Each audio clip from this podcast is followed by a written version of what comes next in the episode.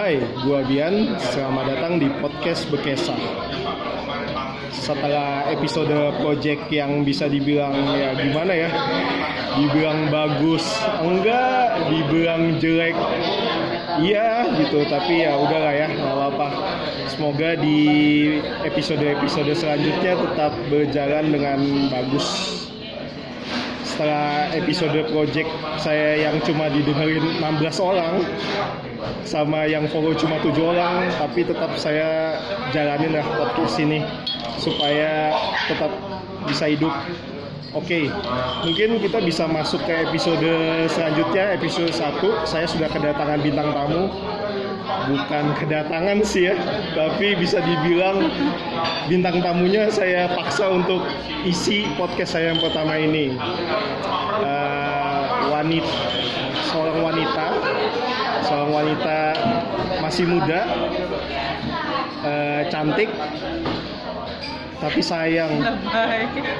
Tapi sayang sudah punya suami. Jadi bagi yang nanti uh, lihat di Instagram saya saya akan ngetek namanya ya nggak bisa nggak bisa di DM karena sudah punya suami nggak akan digubris gitu mungkin boleh perkenalan dulu mbak Oke. kenalin diri Ya.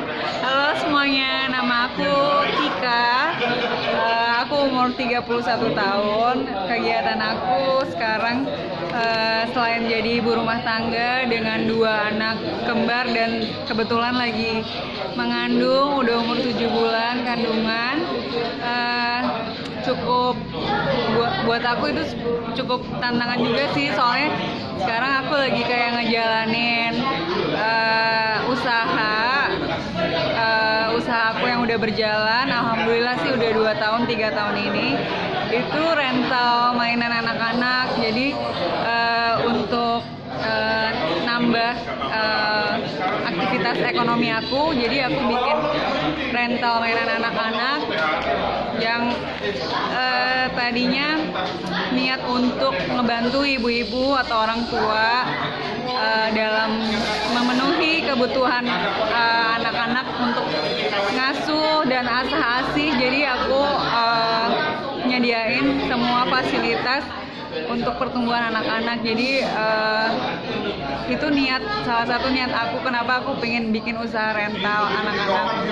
Nah tapi eh, seiring berjalannya waktu aku eh, dulu itu punya passion yang sebelumnya aku belum bisa menuhin sama sekali karena kendalanya ada di orang tua aku yang gak setuju kalau aku masuk sekolah desain. Jadi eh, aku baru aja selesai sekolah desain selama setahun di Jogja. Eh, aku sekarang lagi usaha untuk eh, ngembangin usaha aku ke arah fashion Eh, untuk saat ini aku lagi sibuk untuk branding gimana caranya kampanye tentang brand aku supaya dikenal banyak orang. Nggak cuma untuk di balik papan aja tapi lebih ke nas- nasional sih. Eh, doain aja deh semoga semuanya berjalan sesuai harapan aku. Eh, ya mungkin itu aja cukup Oh cukup ya, oke. Eh, sorry ya Mbak Tika, tempatnya agak sedikit rame. Eh, sorry buat pendengar podcast saya, tempatnya agak sedikit rame karena mungkin di project awal kita ngomongnya di rumah saya yang tempatnya sunyi banget. Sekarang kita berada di luar di cafe, salah satu cafe di kota Balikpapan, tapi nggak perlu disebutkan karena saya nggak mau nge-branding kafenya. saya saya cuma mau nge-branding yang saya wawancarain aja. Oke, mungkin kita masuk ke sesi selanjutnya ya Mbak Tika ya. Mbak Tika, eh, boleh tanya-tanya dulu, eh, tanya-tanya mengenai tadi. Ini kan Mbak Tika kan punya anak kembar dan punya kesibukan lainnya. Setelah saya tanya bisnis rental mainan dan usaha baju, gimana sih cara membagi waktunya Mbak Tika? Eh, pertama-tama aku eh, udah ada yang asistenin itu namanya Mbak Sinta jadi dia eh, selama ini ngebantu aku buat ngurus administrasi eh, dan semacam customer service untuk penjualan via Instagram untuk usaha rentalnya. Sementara aku tetap tiap bulan eh, mantau untuk proses eh, mulai dari eh, barang-barang yang keluar masuk tetap aku kontrol. Gimana caranya eh, barang itu bisa keluar. Jadi lebih kayak aku yang bagian promosi eh, untuk bagian administrasi segala macam aku udah ada asisten. Jadi lebih gampang sih untuk eh, ngurus yang untuk rental. Eh, tapi untuk sementara yang baju masih aku sendiri. Eh, karena aku lagi sibuk banget sama persiapan lahiran terus eh, si kembar juga baru mulai sekolah jadi aku bagi waktunya kalau mereka tidur atau enggak pas mereka sekolah jadi aku bisa mulai eh, Kerjanya ya? kerjanya bisa mulai di jam-jam tertentu aja pinter-pinter bagi waktu sama setting prioritas sih mana yang lebih prioritas gitu tapi ketika nanti ada tabrakan gitu Oh. waktunya itu aku eh, kayak misalnya aku lahiran aku kan nggak mungkin kan ngurusin eh, Instagram Instagram Oh. feed konten segala macam Oh. itu aku ambil kerjasama sama pihak ketiga jadi mereka yang ngurus semuanya Oh jadi em, minta orang lain lagi ya untuk ngerjain itu Tanti tapi Ya. Eh, sekarang sih udah mulai soalnya aku udah harus ngetes sesuai sama selera aku apa enggak gitu jadi nanti ketika aku udah benar-benar nggak bisa pegang sama sekali aku udah percaya sama mereka gitu. Oh gitu. Berarti kak boleh tahu nggak apa sih nama eh, usaha tempat mainannya supaya orang Balikpapan bisa tahu gitu sama usaha bajunya namanya apa? Ada Instagramnya kek atau ada tempatnya di mana kek gitu? Eh, sementara ini tempatnya baru di rumah eh, namanya itu Two Little Monkeys Tuh itu Monkey ya? Iya, Oke. Two Little Monkeys. Ya, jadi awalnya gara-gara mungkin aku punya anak kembar terus Eh. eh, udah banyak banget nama gitu kan Oh. twin twin rental gitu. Jadi akhirnya aku mikir oh ya ada lagu-lagu anak-anak tuh eh, Little Monkeys. Jadi aku ya udah deh Two Little Monkeys aja kayaknya lucu.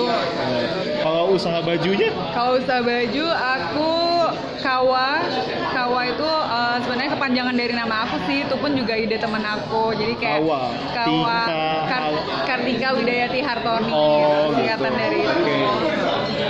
Gitu ya. Berarti kak boleh tahu nggak awal usaha-usaha ini berjalannya semuanya gimana gitu? Maksudnya kayak susah nggak sih ngeba, nge- apa ngebuat brand gitu atau harus gimana gitu supaya yang dengerin podcast ini juga yang misalnya baru meniti karir juga semangat gitu. Eh, jadi aku sebenarnya spontan banget Eh, awal berjalannya Two Little Monkey itu aku mulai dari eh, breast pump. Breast pump itu kan eh, pompa buat ibu-ibu yang eh, Oh, apa, iya. mulai Oke. menyusui Iya, iya, gitu iya. kan. Jadi ketika aku divonis sama dokter nggak boleh pompa sama sekali karena anak kamu kembar, akhirnya aku bingung ini pompa pada mau diapain. Aku iseng aja eh, coba aku post di Instagram terus aku hashtag sewa pompa ASI balik papan dan ternyata itu tuh ngaruh banget itu tuh pada saat itu juga langsung ada yang mau nyewa. Nah uh, akhirnya aku di situ ngelihat kalau ini bisa jadi peluang buat aku gitu. Akhirnya aku ngelihat barang-barang lain lagi nih yang kira-kira udah nggak dipakai dan bisa disewa apa ya. Ya akhirnya aku mulai dari situ dan dikit-dikit ada permintaan dari customer uh, butuh apa butuh apa aku coba untuk uh, ngelengkapin semua kebutuhan mereka. Jadi awalnya kayak ketidaksengajaan ya. Iya, Jadi ke jadi karena pe- ini mau diapain sih barang ini? Daripada dibuang sayang dikasih ke orang kayaknya gimana lebih baik dibersihin dicuci habis itu digunakan lagi gitu ya. disewa Oke, kalau usaha bajunya sendiri gimana? kalau usaha baju itu awalnya aku dari hobi Hmm. dari hobi ngedesain gitu kan dan selama ini tuh aku pengen em, selama aku dari muda itu kan senengnya kalau ada acara-acara kan pengennya bikin baju yang lucu-lucu sesuai keinginan kita. Tapi kadang kita suka dikecewain nih sama penjahit gitu. Iya. kita udah jahitin eh ternyata nggak sesuai Iya, kecewa iya, gitu. betul, padahal betul. bahannya udah Bagus niat mungkin ya. bagus beli gitu kan. Akhirnya dikecewain penjahit akhirnya ya udah ikut desain gimana caranya supaya nggak miskomunikasi sama penjahit. Kan tuh ada teknisnya tuh gimana gambarnya harus gimana segala macam nah mulai dari situ deh aku uh, kepikiran selain hobi aku mau bikin baju-baju buat uh, orang-orang juga senang pakai baju bagus niatnya itu. Dan harga pun juga aku nggak mau setting yang mahal karena niat aku aku pengen bikin sesuatu yang bagus yang mereka suka dan itu nggak ngeberatin di ongkos buat mereka gitu. Jadi dan sesuai dengan keinginan mereka juga ya? Sesuai dengan keinginan mereka benar. Ya, jadi uh, ya sebenarnya lebih ke arah hobi dan pengen ngasih sesuatu yang bagus tapi dengan uh, harga yang nggak mahal kayak di online online shop yang udah ada gitu. Oh. Iya ya. Kalau saya lihat kalau baju-baju cewek itu kalau di mall-mall bisa harganya sampai ratusan eh Iya, iya. Baju-baju eh, jutaan pesta, lah ya, jutaan, juta-jutaan gitu. Kalau Mbak Tika mainnya nggak sampai segituan ya? Eh, Atau iya. segituan nih? Tergantung, tergantung dengan uh, apa bahan. Kalau emang bahannya emang udah mahal itu bisa sampai sejuta. Tapi uh, sebisa mungkin rata-rata untuk harga dari barang yang aku jual aku nggak mau segitu gitu, nggak mau sampai sejuta. Jadi jangan sampai uh, banyak barang yang rata-rata sih nggak sampai sejuta kok, cuma ratusan aja gitu. Jarang kok, ya aku jarang pengen bikin produk yang affordable. Oh gitu ya. Eh, boleh tahu nggak eh, gimana sih? Kan ini kan biarnya Mbak Tika kan nggak bisa incas langsung ya karena ada kembal, ada mau hamil. Tapi gimana bisa supaya bisa usaha itu jalannya bisa smooth sampai sekarang? Kalau saya lihat sih eh, Twitter Monkey-nya jalan, habis itu usaha bajunya juga jalan, anak-anak juga eh, Bisa sekolah. bisa sekolah dengan baik, masih suka diajak jalan juga. Ini dalam proses kehamilan 7 bulan, wih kayaknya berat banget kalau apa ya bisa dibilang banyak banget kegiatannya Mbak Tika ini gitu. Iya sih suami aku sendiri aja bilang kalau eh, kamu fokusnya mau ke mana ini gitu. Cuma sebisa mungkin aku tetap eh, merhatiin yang Tulito Monkey karena Tulito Monkey tuh udah udah benar-benar jalan jadi aku eh, nggak boleh lepas kontrol di situ. Eh, kalau untuk yang kawa ini lagi berat-beratnya nih karena kita masih di tahap branding Yes. dan eh, penjualan aku kan by online. Ya, masih banyak banyak online ya, belum ada, belum ada toko, toko resmi ya. belum. Oh. Insya Allah sih rencananya tahun depan deh eh, kalau bisa udah bisa buka. Kalau baju tuh kayaknya enak lebih daripada aku jual online lebih eh, ada fisik toko fisik gitu loh. Jadi kayak aku pengen eh, ngembanginnya buka toko, display segala macam. Jadi orang bisa lihat koleksi-koleksi aku. gitu. Kalau ke depannya malah juga pengen ada mau vermak langsung di situ bisa, mau bikin custom di situ juga Oh, bisa. komak bisa ya nanti ya ada. Pengennya sih gitu, Oh, oke. nah, cuma masih eh, cuma bayang-bayang dulu aja. Ya kira-kira dulu aja. Oke. Eh, Mbak Tika boleh tahu nggak sih usaha yang sekarang dijalankan ini selain eh, kalau boleh tahu profitnya bagus nggak sih kayak eh, growth kah atau malah yang nggak mungkin flat ya? Setahuku eh, kalau untuk usaha mainan anak ini karena yang main di Balikpapan setahu saya dikit ya. Eh, ini usahanya gimana sih? Maksudnya berjalan naik ke atas atau flat aja atau ada di masa yang betul-betul jatuh gitu atau gimana gitu? Eh, sebenarnya lebih ke arah growth tapi itu nggak nggak banyak soalnya dulu aku pernah nih waktu aku lagi benar-benar fokus di Two Little Monkey dan aku coba untuk menuhin semua kebutuhan mereka eh, kebutuhan pelanggan ya Eh, itu tuh ternyata barang aku tuh eh, waiting yang waiting list waiting list itu aku coba untuk tambah unit tambah unit supaya mereka nggak waiting list kelamaan Yep. gitu dan perlu diketahui eh, di Balikpapan tuh mungkin ada 5 sampai 10 pemain 10 cuma pemain ya? Kira-kira 5 sampai 10 pemain. Sorry, eh, saya potong. Dulu saya tahunya dulu pemain itu cuma ada tiga, salah satunya tuh Little Monkey gitu. Nah, itu 5 sampai 10 karena di aku juga ini apa kayak ngecek beberapa pelangganku tuh ternyata mereka buka sendiri Oh, gitu. buka juga. Nah, mungkin mereka juga kepikiran ini kok Oh. mungkin Little Monkey waiting list atau gimana. Oh. Kadang-kadang kita suka nggak enak juga gitu kan.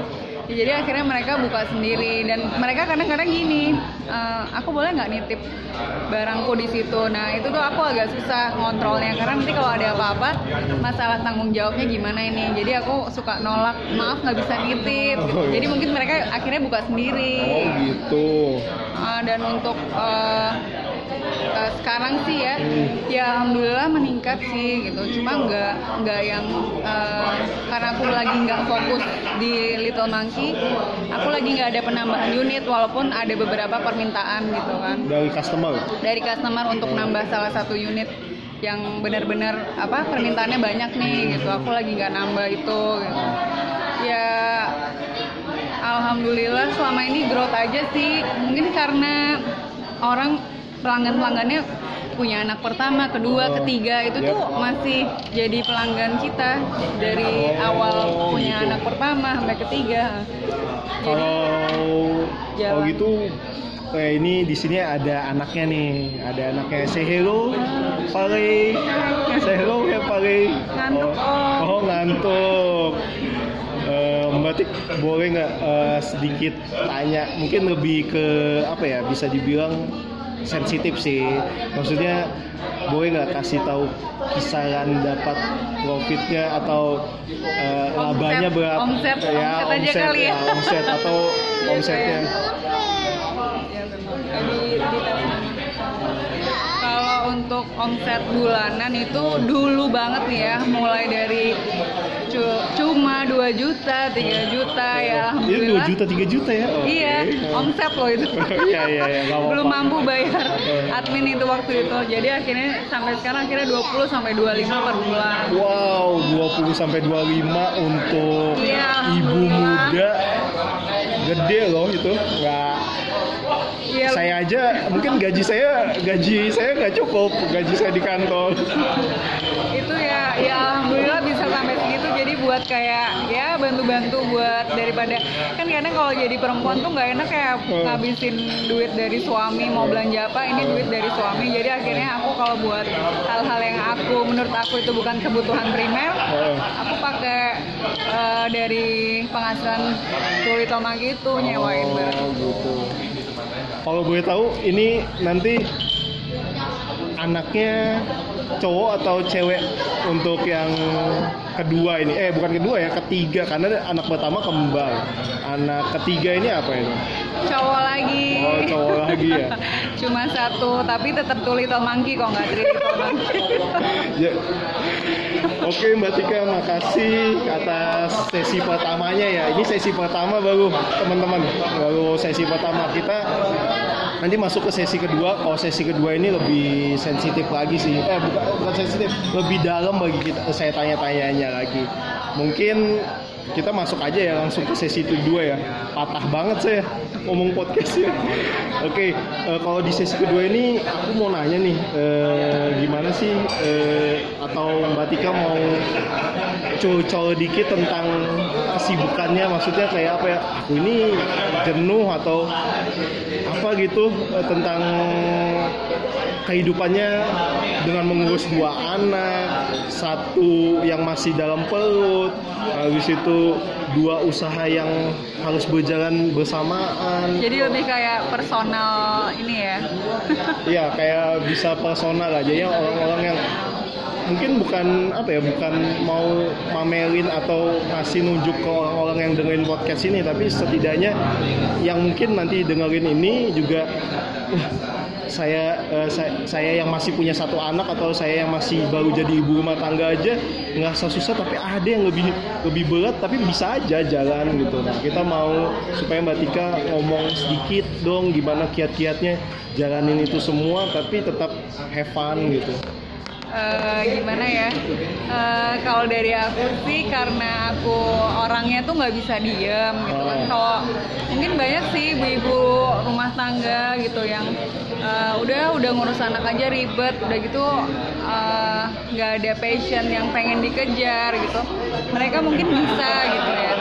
Eh, ya mungkin mereka bisa lah lebih fokus ke rumah tangga tapi kalau aku aku sendiri eh, kalau aku disuruh fokus ke rumah tangga tuh kayaknya ada sesuatu yang hilang gitu loh. Karena dulu aku juga kebiasaan kerja, terus Oh. aku juga waktu belum punya beban sama sekali nih anak sekolahan juga ke- kekerjanya kan pasti jalan gitu Oh. ya gerak terus bikin sesuatu yang benar-benar aku senang gitu Hmm. jadi kalau udah berumah tangga kayaknya aku nggak bisa tuh kalau harus fokus di rumah tangga jadi aku harus create sesuatu yang itu nguras pikiran aku supaya aku nggak stres karena aku diam aja gitu jadi menurut aku eh, buat Ibu-ibu muda di luar ibu-ibu sana. muda di luar sana. Atau yang- Mahmud Mahmud muda, eh, mamah muda, Mahmud.